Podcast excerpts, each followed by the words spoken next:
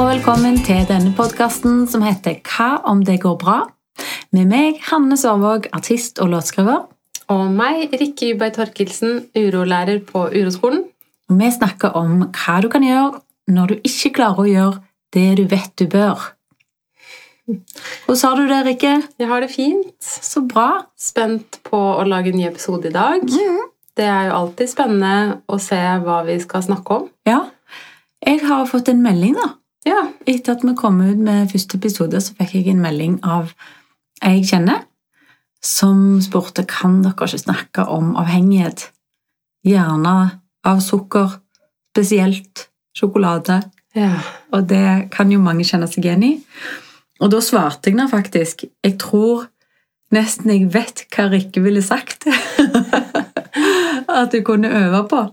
For det Jeg har hørt at i urometoden så sier man ofte sånn Slutt og prøv og slutt. Mm, veldig bra. Så, men det er jo Jeg kjenner meg igjen i det iallfall. Jeg Jeg føler at det, det er noen avhengigheter jeg skulle gjerne ha blitt kvitt. Men så er det gjerne det at eh, jeg må lære meg å leve med dem, og bare være til stede i dem istedenfor. Mm. Sånn som kjenne etter hvordan det er i kroppen i det du spiser den sjokoladen. Mm. Um, tror du at hun er for eller imot å være avhengig av sukker? Jeg tror hun er veldig imot. Mm. Mm. Det tror jeg også. Og det er jo uh, Det er du også, det er jeg også, i hvert fall når vi er urolig. Um, Så er vi imot Jeg er i hvert fall imot at jeg går til kjøleskapet for å se etter sjokolade når jeg er urolig. Ja. Men jeg gjør det allikevel. Jeg føler at det er en svakhet, liksom. Jeg liker ikke um, at det er noe jeg føler jeg ikke har kontroll på. Mm. Og det er jo derfor en gjerne liksom vil løse det. Jeg fikk liksom følelsen av at hun hadde lyst til at vi skulle ta det opp, sånn at hun kunne få løse det. Mm. Fikse det og få det vekk. Da må vi skuffe deg. Det må vi. Jeg har heldigvis forberedt meg litt med å skrive 'Dette ville Rikke sagt'. veldig bra. Um, men det er jo det. Jeg husker eh, når jeg fikk høre det første gang òg. Bare slutt og prøv og slutt. Så er du iallfall kvitt det der Det som blir litt dobbelt opp, da. Mm. At du har så mye motstand mot at du føler at du er avhengig av sukker. Mm. Eller noe annet. Mm.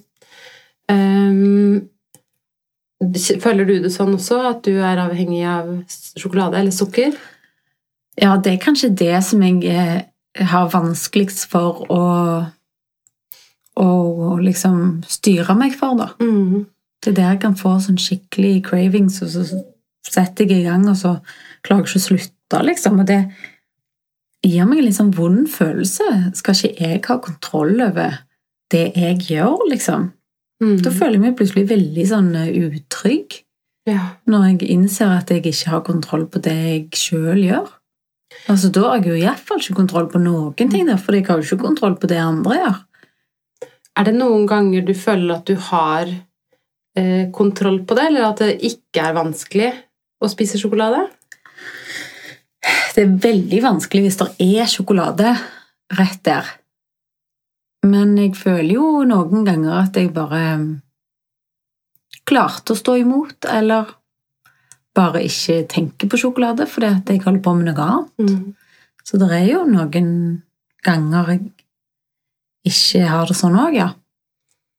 Um, nå får jeg sånn Jeg husker at uh, når jeg var yngre, så em, så pleide For jeg har alltid Sjokolade er min greie, så alle mine venner som hører på det her, kommer til å le når de hører at vi skal snakke om det, fordi de kommer til å si det er jo Rikke.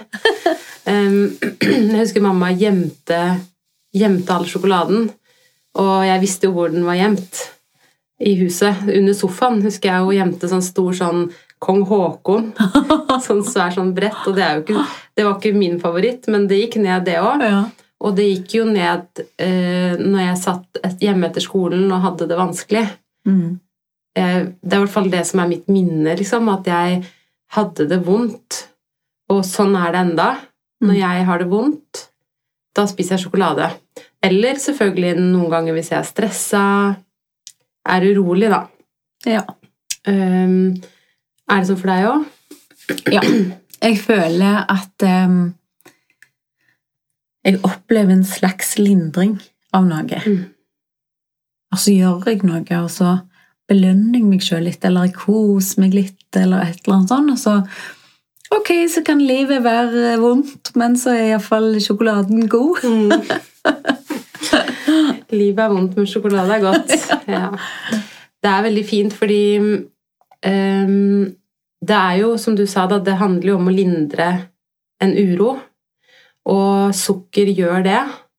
Eh, Så er det klart at Hadde det vært en ernæringsfysiolog her, så ville de sikkert sagt ja, men du må passe på å spise nok mat i løpet av dagen. Eller, men det er jo ikke det vi skal snakke om. Det stemmer sikkert. Det er bare at vi snakker om noe annet. Vi snakker om uro. Ja. Um, og sjokolade eller sukker eller alkohol eller rus eller eh, trening Det fungerer som en strategi for å dempe uroen vår. Um, og så er vi jo lært opp til at det er feil å spise for mye sjokolade, for da, blir vi, da legger vi jo på oss eh, Det er ikke bra, for det er mye fett og sukker og masse sånt. Så vi kommer jo i kontakt med mange overbevisninger og mange tanker om hva som er rett og hva som er feil. Ja, for jeg syns jo at det er ganske tunge krefter på de to sidene hva gjelder sukker og sjokolade. Vi presses egentlig på fra alle hold. I butikken, på reklamer, alt sånn. Men så får vi òg veldig mye kunnskap om hvor farlig sukker er, og hvor usunt det er. Sånn at de to motpolene der driver oss og trekker i oss hele tida. Og da blir det jo egentlig enda vanskeligere å, å slutte, fordi at en liksom skammer seg litt over å ikke få kontroll på det. Mm. Sånn at hvis hun hadde kommet til meg, da, så ville jeg ha ehm, forsøkt og at vi lot det ligge. At vi ikke snakka så mye om sjokoladen, fordi vi kan jo si at sjokoladen er bare et symptom. Er et, eller sjokoladespisingen er et symptom på at noe gjør vondt. Um, det er ikke så lenge siden ehm, det er, uh, ja, En lørdag for to uker siden som jeg var veldig urolig. Og jeg følte at ehm, Hvorfor har jeg dette livet, liksom? Og så ba jeg Martin kjøpe en pose med risbrød, for det syns jeg er veldig godt. og jeg kjente at jeg hadde uro. Jeg kjente det i magen at bare ah, nå, nå har jeg masse uro her. Og jeg klarte bare ikke å være sammen med det. Jeg, jeg fikk det ikke til. Det var ikke tilgjengelig for meg. Eh, Men jeg gikk hele dagen sånn, jeg vet ikke, en gang i timen og tok meg et risbrød. da. Mm. Og det hjalp litt hver gang. Ja. hjalp det litt. Og så kom, det, kom uroen tilbake, og da gikk jeg tilbake til posen og tok en bit til. Men Så det handler jo om å se hva er det som ligger bak her, og det som er helt sikkert, at hver gang jeg tok det risbrødet, så hadde jeg uro. Jeg hadde det ikke noe godt uh, inni meg. Og, det er, og når jeg sier at det ligger smerte bak, så betyr ikke det nødvendigvis kjempestor smerte, at noe kjempe, ikke sant? Men at livet er vanskelig. Mm. Jeg synes livet er vanskelig eller tungt eller overveldende, og jeg vet ikke helt hva jeg skal gjøre med det. Så jeg faller inn i strategier som i dette tilfellet er å spise sjokolade. ja. For å holde det litt på avstand, eller distrahere seg sjøl med noe annet. Så, så det er jo sånn at ofte så ligger det noe, eller alltid ligger det noe bak der eh, som gjør vondt, og det ville jo være nyttig å se på det, men det kan jo være veldig vanskelig å se på det alene. Mm. Men det vet jo ikke jeg eller vi så mye om, eh, hva som skjer i hennes liv. Men det ville være nyttig for henne da, å se på livet sitt. Vi kunne jo spurt henne om hun er tilfreds med livet sitt. Mm. Um, så, men så er det også en konkret ting som man kan utforske. Det er jo når jeg er på vei mot kjøleskapet, eller hvor du oppbevarer sjokoladen din. Jeg har min i kjøleskapet. Mm. Når jeg er på vei mot kjøleskapet for å ta en sjokoladebit, hvordan er det i kroppen min da? Og veldig ofte så er det uro der. Det er noe jeg syns er vanskelig eller ubehagelig, og så går jeg for å dempe det. Ehm, og så kjenner jeg jo at når jeg tar den sjokoladebiten, så virker det som en sånn ah, Mm. Ja, nå er alt bra. Nå er alt bra. Ja. Spiser den, svelger den, det var godt. Oi, nå er det uro igjen. Mm. Ta en til, da. Ja. Jeg husker bare en periode her. Det var liksom jeg som foreslo at ikke vi kanskje skulle ha noe snop hver dag, liksom. Og så fikk jeg nesten panikk av at jeg sjøl hadde foreslått det. For det var jo der og da liksom eh, livbøya, eller liksom redningen i at um, jeg kunne glede meg litt til det, eller da var det sånn vi kunne glemme alt det andre mm. som sto på, som var vanskelig. Så da når jeg liksom sjøl foreslo å ta det vekk. Så, så skremte jeg nesten vettet av meg sjøl, liksom. Kan du huske når du hadde foreslått det rett etterpå? Fikk du lyst til å trekke det tilbake da? Ja, Ja. for det at jeg kjente at jeg dro nesten liksom eh, grunnen vekk under beina mine, liksom. Mm. Og det er jo kanskje det som er, du har et slags sånn lite mm, trøstepledd, og da når noen tar vekk det, eller du sjøl forsøker å ta vekk det, så blir det krise, liksom. Mm. Så det minner meg egentlig om det her med å ta valg. Mm. At ofte så tror vi Eller vi styrer med å ta et valg. Mm. Så tok du et valg som er Nå skal vi la være å ha snop i hus. Mm. Og så tar du valget, og så blir du usikker igjen. Ja. Og så begynner man å trekke det tilbake, eller vurdere ja, Kanskje ikke jeg skulle gjort det, eller mm. Kanskje det var litt vel ekstremt, liksom. Mm. Og så bare Og så ikke ha lite grann engang. Det må jo være lov, liksom. Jeg vil ikke ha det så strengt at det er ikke lov å kose seg litt engang. Så kommer alle argumentene som var imot det jeg nettopp hadde gjort. Ja. Men det er jo Det var avhengighet hun spurte om, ikke sant? Mm. Mm. For det, det er vel det en definerer som avhengighet, er vel med en gang du føler at du ikke har kontroll over det sjøl. Mm. At det er noe du går til som du nesten ikke lenger føler er et valg engang, men du bare må. Ja. Og så Det som vi snakker om nå, da, denne tilnærmingen, er jo en tilnærming som um, jeg, vet, jeg har ikke lest noe forskning om det, så dette er den forskningen jeg har gjort i mitt liv, og vi har gjort i ditt liv, og vi har gjort sammen med andre elever på Uroskolen. da. Um, men det, kan se, det ser ut for meg så ser det ut som at um, bak avhengighet så ligger det alltid smerte. Mm. Um, og avhengigheten er et slags drama. Det er et slags Det tiltrekker seg oppmerksomhet. ikke sant? At uff, der er det en som drikker for mye, eller spiser for mye, eller et eller annet sånn. Så det er en person som er syk, ville vi jo si. En alkoholiker, eksempel, eller en det er kanskje ikke Jeg vet ikke om man sier 'er du syk hvis du er avhengig av sukker'? Jeg vet ikke om man bruker det Nei, jeg tror ikke at vi bruker det på den samme måten som vi nå har lært oss å si da, eh, når det gjelder dette med alkohol, eksempel. Mm. At det er en sykdom. Mm.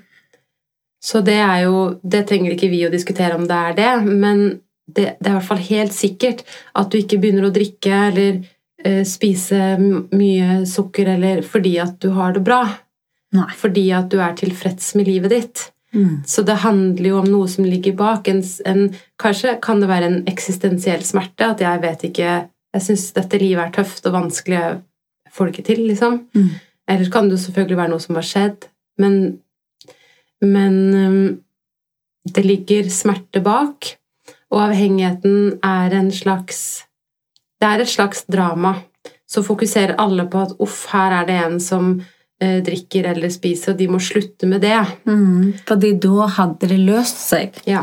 hvis en bare slutta med det. Men så er det jo liksom eh, bare metoden du bruker da, for å holde det på avstand. Mm. Um, det er på en måte symptom. Du kommer ikke til um, årsaken. Um, men det er jo helt sant. Det, det er jo sånne ting en gjør når et eller annet ligger vondt som ligger og er vondt, og som du ikke har lyst til å kjenne på. Um, en som jeg snakker med, som har, hun har sagt at jeg kan få lov til å fortelle om dette hvis det var aktuelt, da. Mm. Så da gjør jeg det. Uh, som kom til meg fordi at hun uh, spiser og drikker. Jeg har nevnt henne i den første episoden. Mm. Um, og så har jo hun kom jo til meg og sa at hun hadde spiseforstyrrelser og var eh, alkohol... Eller trodde på at hun nå var kanskje blitt alkoholiker, eller Og så, og så Først så ble hun jo veldig overrasket over at vi ikke egentlig skulle snakke så mye om det. Fordi at hun trodde jo at det var det som var feil med henne. Uh, men så har vi brukt masse tid på å snakke om hvordan hun egentlig har det i livet sitt. Og det har vært Hun har hatt det vondt i livet sitt. Har hatt masse uro, vært, følt seg usikker, utrygg. Masse Masse smerte. Um, som er den smerten som du og jeg kan kjenne i våre liv også. Og jo mer vi har snakket om det og jobbet med det, så har uh, spisingen og drikkingen avtatt. da. Det skjer mye sjeldnere. Um, sånn at det viser meg bare igjen da, at det ligger noe bak, og det er det som trenger å bli sett. Mm. Det er akkurat som hvis du er sint på Thomas, eller hvis det, det er bak sinnet så ligger det også smerte. Mm. Ikke sant? Og hvis, hvis vi, så ofte får vi høre at 'ikke vær så sint', Mm. eller 'ta deg sammen', eller Men bak der så er det noe som trenger å bli sett. Ja. Eh, det samme er det bak en avhengighet, da. Mm. Eh, og i hvert fall i, veldig mange ganger. Mm. Um, Jeg husker en gang jeg var så veldig sint på meg. Og jeg prøver bare liksom å fekte vekk alt dette her sinnet, og, og blir sint tilbake, sant? for jeg syns det er urettferdig. Og sånn, og så midt i denne her um, kampens hete, så sier hun sånn Ja, men jeg blir så sint. Og så sa hun plutselig Eller egentlig så er jeg lei meg. mm, Og det var de forløsende, magiske ordene. For med en gang hun sa at hun var lei seg, så kunne jo jeg finne lett til eh, medfølelse for det. mm, Eh, mens bare med sinne retta mot seg, så er det vanskelig å, å finne medfølelsen. Mm. Altså, Da vil du gjerne komme til å forsvare deg og sånn. Med en gang hun sa 'egentlig så er jeg lei meg', så var det sånn 'ja, men hva er, du, hva er du lei deg for, da?' Jo, det var det og det. Å ja, men da Vi hadde en mye En helt annen fredelig samtale etter det, da. mm, Um, og hvis vi er litt sånn med oss sjøl òg, sånn at vi liksom er sinte, så er det ikke så lett å komme til det som ligger unna der. Mm. Men kommer du til det som ligger unna, så kan du få tak i medfølelse med deg sjøl, f.eks. 'Å ja, men her under var det jo noe som gjorde vondt.' mm. Det var derfor jeg var så sinte. Og det er jo litt det vi gjør med oss sjøl òg. Mm. Absolutt. Og det er akkurat som at den smerten eller den uroen no, Det kan jo være at i noen tilfeller så er smerte litt, et veldig stort ord, men det er i hvert fall uro. Eh, at den uroen får oss til å tro at 'jeg kan ikke se nærmere på det her'. Jeg må heller gå og spise sjokolade.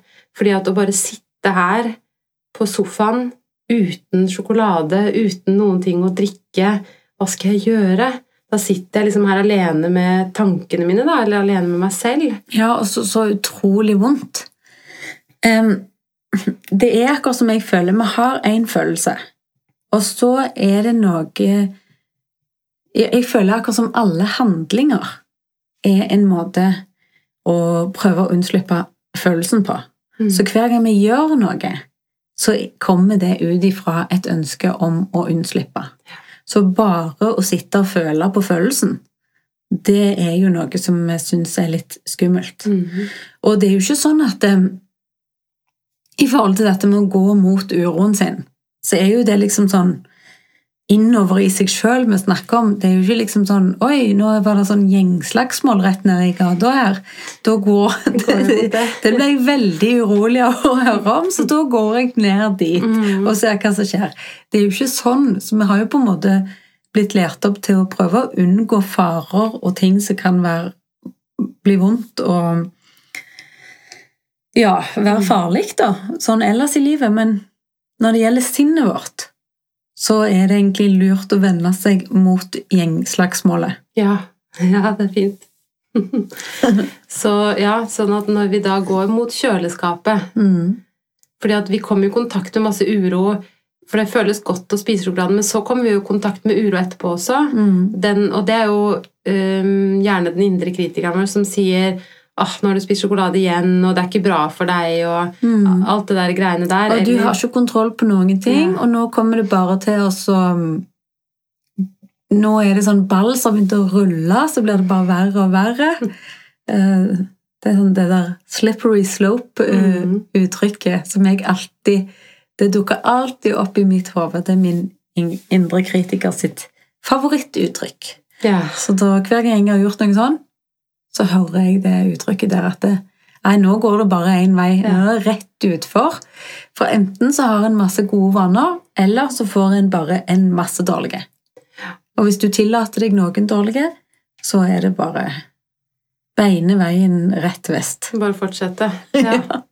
Rulle videre. Mm. Så um, det ville være nyttig da å bare kjenne etter Det kan jo alle som hører på denne podkasten gjør, da, og se etter i livet sitt. Hva er det jeg driver med for å få bort min uro? For det er, vi driver med mange ting. Mm. Jeg driver med mange ting. Jeg rydder, jeg trener, jeg spiser sjokolade. Alle de tingene gjør jeg noen ganger fordi at jeg vil, og fordi at jeg liker det. Noen ganger fordi at jeg er urolig. Mm. Så det er jo, og det er jo også litt vanskelig.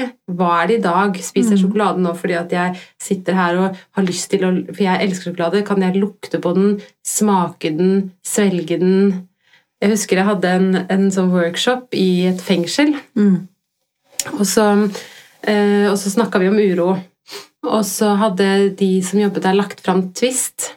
Og det var jo mange av de damene der som aldri fikk Twist. Mm. Og så ble vi enige om at vi skulle nærme oss den tvisten med både uroen vår og være nysgjerrig på hvordan det var. da. Så alle skulle ta Vi tok en tvist hver i hånda, og så kjente vi i kroppen hvordan kjennes det nå når jeg sitter her med denne sjokoladebiten i hånda. Og det kjente, jeg kjenner det nå, ikke sant? Det, var, det kjennes jo godt. Og så åpna vi den sakte, og så lukta vi på den. Og så kjenner vi jo da at oi, det blir vann. Jeg kjenner det nå i munnen min også. Det blir sånn vann i munnen. og Mm. Mm. Og så tok vi den i munnen og tygde på den og smakte på den og kjente den, og, og så gjorde vi ikke sant, at hele den veien var en sanselig opplevelse. Ja. Og det, de var jo helt sånn Å, jeg skal aldri spise sjokolade på noen annen måte igjen. Og det spørs vel om det holdt. Det holdt ikke for meg heller, men, men det er en fin ting For det er jo ikke det at vi må slutte med noen ting. Nei. Vi må heller ikke slutte å spise sjokolade, men det kan være en fin ting å gjøre. Så kan jeg virkelig kjenne det med sansene mine og med kroppen min? Mm. Altså, det er det som har vært iallfall en fin øvelse for meg, da. Um, at jeg har tenkt at jeg kan, jeg kan spise opp hele denne sjokoladen. Helt sjøl. Men jeg skal være til stede i kroppen mens jeg gjør det. Ja. Og så bare kjenne hvordan er det i kroppen, og så ta en bit. mm, det var godt. altså, de, de gamle munkene de pleide å si etter hver eneste bit, så sa de mm, det var godt. Fint. Og så tok de en bit til og sa mm, det var godt. Og det glemmer vi av og til. For det at vi har smakt hvordan det smaker på første bit, og da bare kaster vi ned resten. Så det der å være til stede i hver bit som om det er den første, så kan det jo hende at en spiser opp hele sjokoladen, og det var heller ikke et mål å gjøre det på noen annen måte, Mm. men du var i alle fall til stede mens du gjorde det. Erfarer du at når du gjør det, spiser du hele da? Det er det som er at eh, ofte så gjør jeg ikke det da, for det at jeg er rolig, og da kjenner jeg mer etter. Litt som når du kjenner etter at du er mett òg. Det kjenner du jo mer hvis du er litt rolig. Mm. Og er du urolig, så er det akkurat som du er ikke helt til stede i kroppen. Får ikke med deg at du er mett, og spiser kanskje enda litt mer enn du skulle ønske sånn etterpå. Og det, sånn er det jo med, med sjokoladen òg, at plutselig så erfarer jeg at jeg kan stoppe etter Kanskje ikke etter én, men kanskje etter tre. Ja. jeg var på, på en sånn meditasjon, sånn ti dager sånn stille meditasjon, Mm. en gang i Thailand, og da var det sånn at eh, alltid når man skulle spise eller drikke, så måtte man sitte. Man fikk ikke lov til å gå, så man måtte sitte, og man fikk ikke Det var jo da Nå skulle jeg si man fikk ikke lov til å prate, men det sa, sier seg selv når det var stille. Men, og det også det, var, det er så annerledes å sitte stille uten telefon, uten samtale, uten TV, og bare drikke det vannet eller spise den maten. Det er en helt annen opplevelse. Fordi at når, i hvert fall hvis jeg spiser mye sjokolade, sånn som jeg fortalte om den dagen hvor jeg var urolig Jeg var jo ikke til stede i det hele tatt i det. Jeg tok en bit, gikk bort, tok en bit, gikk og spiste den. Mm. For å Ja. få bort et ubehag. Ja. Men det som er fint å erfare, syns jeg, da, er f.eks. at um, Jeg har jo øvd mye på å være sammen med uroen min, og uroen blir jo ikke borte. Jeg forteller, forteller jo nå om at det er to uker siden jeg hadde masse uro. ikke sant? Mm. Eller jeg har jo hatt det siden da også, men ja, selv du jeg- som jobber så mye med det, eh, blir ikke kvitt uroen. nei, den blir borte når jeg dør.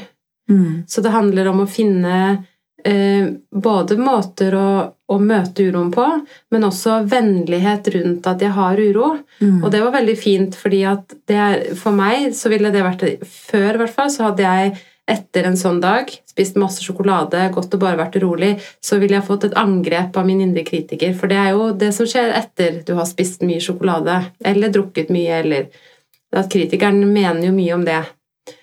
Men så kjente jeg at når jeg hadde gjort det, så kjente jeg, at jeg Så visste jeg at ja, men jeg var helt hjelpeløs. Når jeg holdt på med det, så var jeg helt hjelpeløs overfor mitt mønster, som er å gå og spise sjokolade. Og så kjente jeg at det var ok. Og det er jo, en, det er jo noe som kommer ut av å f.eks. bli bevisst på denne kritikeren, og at når jeg er urolig og går til sjokoladen, så hvis jeg ikke kommer på at jeg kan være sammen med uroen min, så er jeg helt hjelpeløs overfor det. Mm. Og det er Jeg føler det som frihet. Jeg kan se på det med vennlighet og si ja, det gjorde jeg. Mm. Spiste en pose med risbrød. Smakte jo veldig godt. Var veldig urolig. Hadde det vondt inni meg. Det er ok. Det kjennes ok. Det er egentlig der magien skjer. Mm. Hvordan du forholder deg til det som skjer når du prøver å holde uroen på avstand. Mm. Veldig, veldig nyttig og godt å kunne møte det på en annen måte. Og kunne være klar over at nå har jeg spist masse sjokolade eller drukket mye eller gjort et eller annet, og jeg kommer nok til å få en stemme i hodet som sier at jeg ikke burde gjort det. Men da, jeg, da har jeg masse kunnskap som sier at det, det er ikke sant. Det var helt umulig å la være, for jeg lot ikke være. Mm. Hadde jeg kunnet være sammen med den uroen, så hadde jeg gjort det. Mm. Men når du spiste liksom disse måltidene og drakk det vann og sånn på den der stillhetsretreaten i eh, Thailand, opplevde du liksom at eh, Var det en større opplevelse liksom i måltidet? det som, jeg, det som slår meg når du spør, fordi at ehm, jeg, jeg dro jo inn til dette stedet, til dette, eller et tempel, fordi at jeg hadde det jo ikke så godt inni meg. Mm. Så jeg tenkte at dette er jo sikkert løsningen. Mm. Jeg, har, jeg har lett etter løsning mange steder. Um, og så var jeg der og tenkte ja, men ti dager i stillhet, det blir bra. Og da kan jeg jo sikkert se på masse ting i meg selv, og det kommer opp masse følelser. Og, og det gjorde det jo. Jeg husker det som slo meg Det første jeg tenkte på når jeg gikk ut derfra, var jeg liker veldig godt å prate. Ja. Jeg liker å prate med andre mennesker. Og jeg dro ut fra det tempelet sammen med en annen. Og jeg husker vi satt på bussen, vi skulle kjøre buss i tolv timer etter vi hadde vært der. Vi satt vendt mot hverandre og prata i tolv timer. ja. Så det var den freden vi fikk ut av det. ja, nettopp. Men måltidene, det var jo veldig fint. Mm. Um, og det er jo veldig fint det, Jeg prøver jo å øve meg på det i livet mitt. da? Å drikke kaffe og sitte og se litt ut vindu istedenfor å scrolle på telefonen. Mm. Fordi apropos avhengighet telefoner Ja, jeg syns jo det er den Den avhengigheten som gir meg mest uro nå, det er telefonen. Ja. For det jeg føler at den stjeler verdifull tid fra livet mitt. Jeg føler den stjeler oppmerksomheten min. Og etter at jeg har sittet og kikket litt innpå der, så føler jeg meg elendig. Ja. Og jeg, jeg skjønner ikke hvorfor. For det at noe i meg har jo lyst til å gå inn der og se på disse tinga. Så hvorfor føler jeg meg så forferdelig etterpå? Kan du huske en av de gangene som du er på vei til å ta opp telefonen? Rett før du tar opp telefonen, kan du huske hvordan det kjennes ut i kroppen din da? Det er jo ofte uro som gjør at jeg tar etter telefonen, men det er blitt en vane òg, så det er akkurat som hånda mi tar etter telefonen uten at jeg har tenkt tanken engang. Men det kan jo òg kanskje komme av uro som blir oppfatta på en eller annen, et eller annet plan i kroppen. Så tar jeg telefonen. Jeg syns det er vondt med de som er rundt meg òg, at eh, de forsvinner fra meg inn i en telefon. Men så vet jeg jo òg at det er dette med at du skal romme din egen uro, sant? for du får ikke gjort noe med de rundt. Men jeg syns det er vondt at det tar vekk fra oss eh, å få en, en connection oss imellom. Mm. Få et øyeblikk oss imellom. Så forsvinner vi inn til noen bilder som noen har tatt. Ikke nå engang, men en annen gang. Så, så inn der i, i fortida av at noen poserte på et bilde eller en nyhetssak eller hva, hva det nå er en rømmer inn til. Men det er jo for å unngå å være til stede på et vis. Og så tror jeg at vi har Vi har lav toleranse for å kjede oss. Og det som er sikkert, er jo at det å f.eks. sitte og være sammen med uroen sin, eller å være sammen med det vi kjenner i kroppen, det er jo kjedelig for sinnet vårt. Mm. Sinnet vårt ønsker å bli underholdt, Mm. og det blir underholdt av tankene våre. Selv om de ofte er veldig ubehagelige, så er de underholdende. Mm. Og de blir underholdt av telefonen vår. Mm. Sikkert masse andre ting også. Drama ut i livet. ikke sant? Drama i vennegjenger eller familier eller um, Sånn at det å øke den toleransen for å kjede seg litt, da For den, den er nesten borte.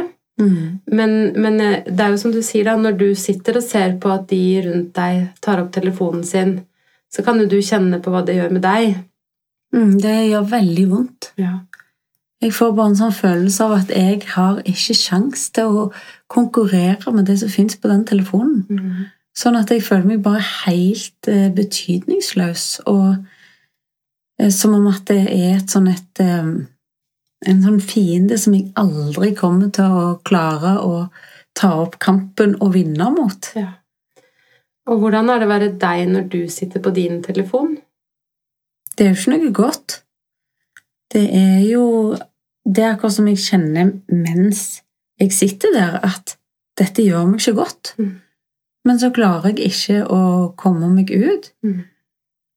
Og så har jeg lyst til å kaste den hersens telefon i nærmeste vannfontene og gå videre og leve livet mitt og ha noen slags eh, betydningsfulle møter og opplevelser. Men den der telefonen, den hen skulle jeg ønske at det Den skulle jeg Den skulle jeg ønske at jeg ikke hadde, faktisk. Hva kjenner du i kroppen din akkurat nå? Nå kjenner jeg veldig sånn der en ubehag i brystet og alt sånt, fordi jeg har veldig stor motstand mot dette. Mm. Jeg liker veldig dårlig at noe skal ha en sånn, eh, et sånn grep om meg Mm. at jeg um, plutselig har kasta vekk masse tid som jeg kunne gjort noe meningsfullt i. Noen ganger så tenker jeg Se, nå kunne jeg ha skrevet en sang, jeg, eller Ja. Jeg kunne liksom ha vært ute og sittet på ei klippe med sjøen et sted. Laga en podkastepisode? Ja, sittet under et tre, liksom. Mm. Jeg føler Nei, jeg har veldig mye sånn um, motstand mot det jeg føler den frarøver meg av oppmerksomhet og tilstedeværelse. Og så er virkeligheten er sånn at den gjør det. Mm. Mm. Og når det skjer, når, du, når hånda di strekkes ut mot den telefonen, så er du antageligvis helt hjelpeløs ovenfor ditt mønster, som er å strekke ut hånda etter telefonen. Eh, Eller når hun som har sendt oss melding Eller når vi går mot sjokoladeplata, så er vi hjelpeløse helt frem til vi kommer på hva er det vi driver med. Mm. Og det krever jo vilje og bevissthet å se på det. Så det kan jo egentlig være en ting som vi kan øve på, da. Mm. Det der med nå har vi jo, Det kan jo den som hører på, kan jo øve på hva de vil, men kanskje vi skal øve med telefonene våre. Så kan jeg øke kontakten med hva jeg kjenner, eller kan jeg bli bevisst på hva jeg kjenner når telefonen min er en del av livet mitt, for den er det. Mm. Det er klart at du kan jo Jeg sa til en eh, kollega på uroskolen her om dagen jeg har lyst til å få meg en Nokia 3310. Mm. Vi kan jo det, men antageligvis så Ja. Jeg prøvde det, jeg. Ja, ja ikke sant? Mm. Jeg tok, tok med meg den. Nokia 6110, tror jeg det var. Mm. Og um, reiste på hytta med bare den. Um, og det var jo helt håpløst. Ja. Fikk mye uro? Altså, jeg fikk jo mye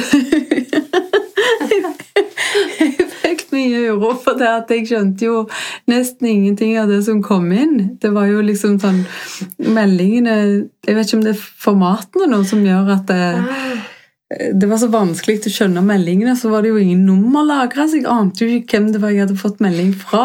Og så Det var så knotete at jeg fikk jo mye mer uro av tekniske utfordringer. Eh, Og det var da jeg hadde akkurat møtt Thomas, kjæresten min, Mm. og han eh, sendte meg jo noen koselige meldinger. Så etter hvert så så jeg jo at på tonen at det, det var hans. Men eh, men, og så kom det meldinger Nei, det var bare styr. Så jeg fikk jo ikke det til å funke sånn som jeg tenkte. Hvis jeg bare har en sånn gammel Nokia-telefon, så skal jeg eh, plutselig bli helt rolig. Ja. Og så kunne jeg jo ikke sånn plutselig fikse ting som jeg hadde mm, apper til på, på iPhone, som da lå igjen i Oslo.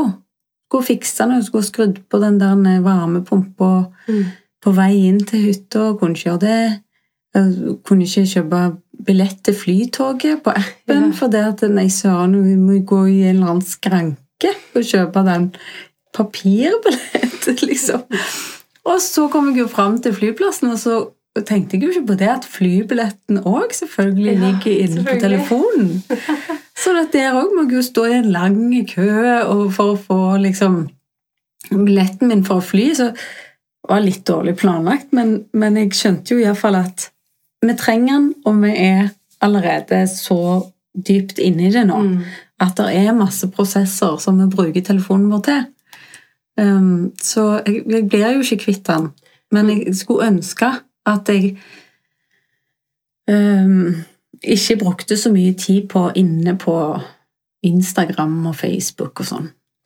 Det der er jo et veldig fint bilde på hva som skjer når vi prøver å løse noe. Mm. Som du sa, du prøvde å Du tenkte at løsningen på denne uroen det er å få en annen telefon, da blir det bra. Mm. Så er det egentlig et veldig bra bilde på at det er ikke sånn.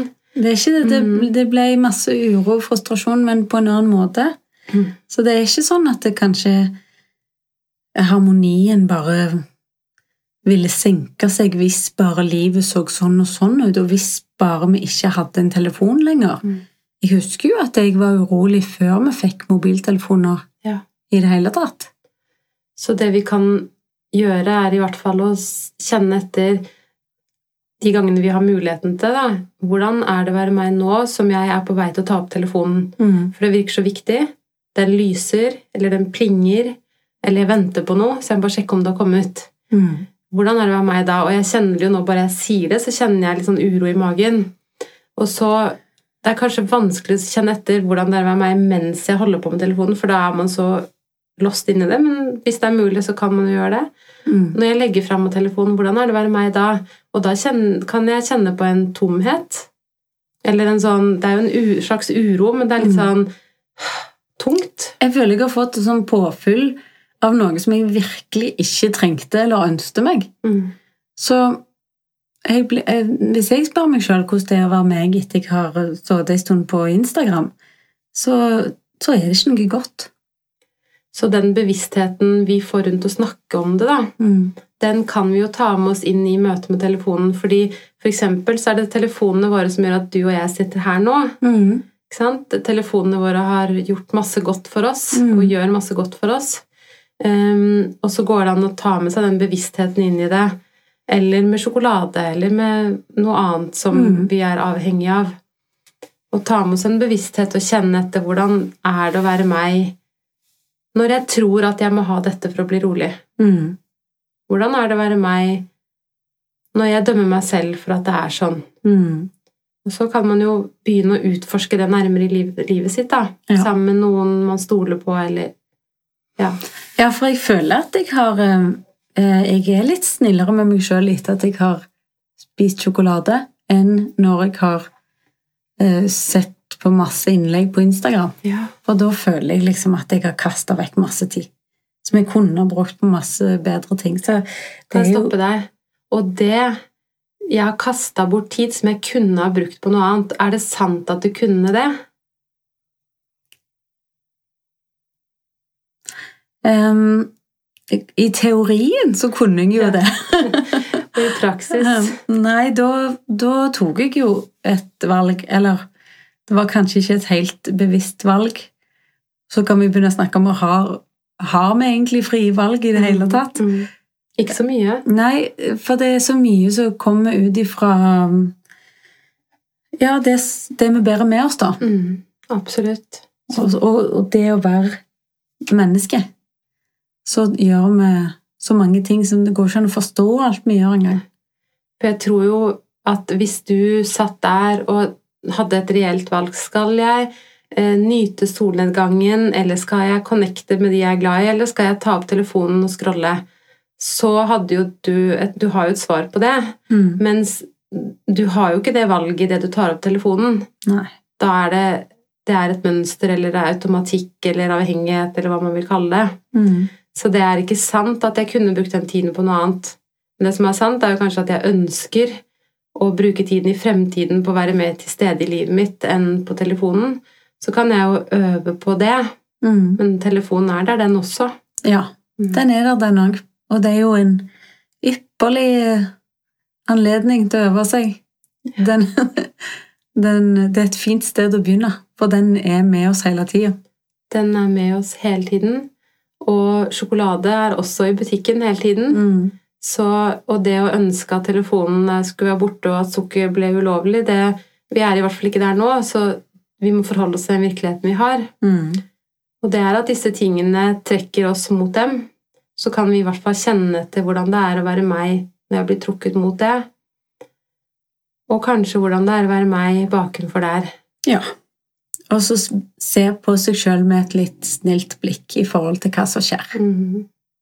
Både når en velger noe annet, klarer det, og når han velger å sitte og scrolle Ja. en stund, eller å spise en sjokolade. Se på seg sjøl og det som skjer, med vennlighet. Veldig fint hvis man kan det. Og jeg tror veien dit er jo gjennom å I hvert fall har det vært det for meg, da. Å lære om dette og, og virkelig Jeg tror jo med hele meg at det er sant. Mm. Så at når jeg ser tilbake på at jeg gikk og spiste sjokolade hele dagen, så tror jeg med hele meg at jeg, jeg gjorde så godt jeg kunne. Mm. Jeg vet det. Jeg kunne ikke gjort noe annerledes, og da blir det litt lettere å bære med seg at det var sånn det ble. Det gjør det. Mm. Så det kan man jo øve på å utforske De som hører på, da, kan jo øve på å utforske det i sitt liv. Mm. Og så kan jo vi øve på det med telefonen vår, da. Mm. Se Det er bare å gå og kjøpe seg en pose Twist og Ja. begynne å øve med en gang. Ja. Veldig bra. God twist. Ja. Ja. Vi sier det sånn. Vi sier det sånn. Ja. Takk for i dag. Takk for i dag.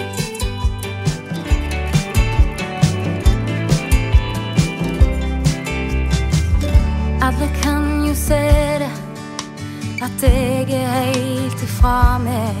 Men hvem tror jeg at jeg er, så tror at du vil ha meg? Noe kviskrer meg i øyra når noe står på spill. Og spør meg hva som gjør at jeg er god nok for deg. Men hørte jeg en liten stemme som sa Hørte jeg en liten stemme som sa Hva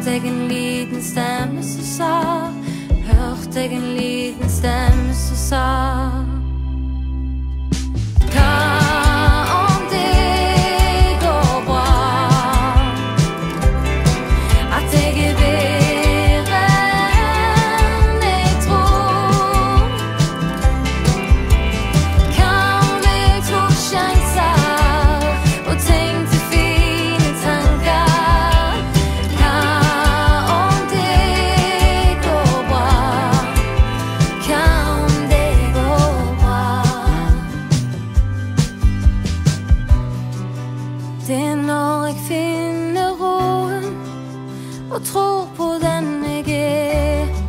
Da kommer tvilen og tar troen og spør om jeg fortjener det. Tvilen pirker i det skjøre, og der det gjør mest vondt. Alt som er tungt å bygge opp, men så lett å rive sånn.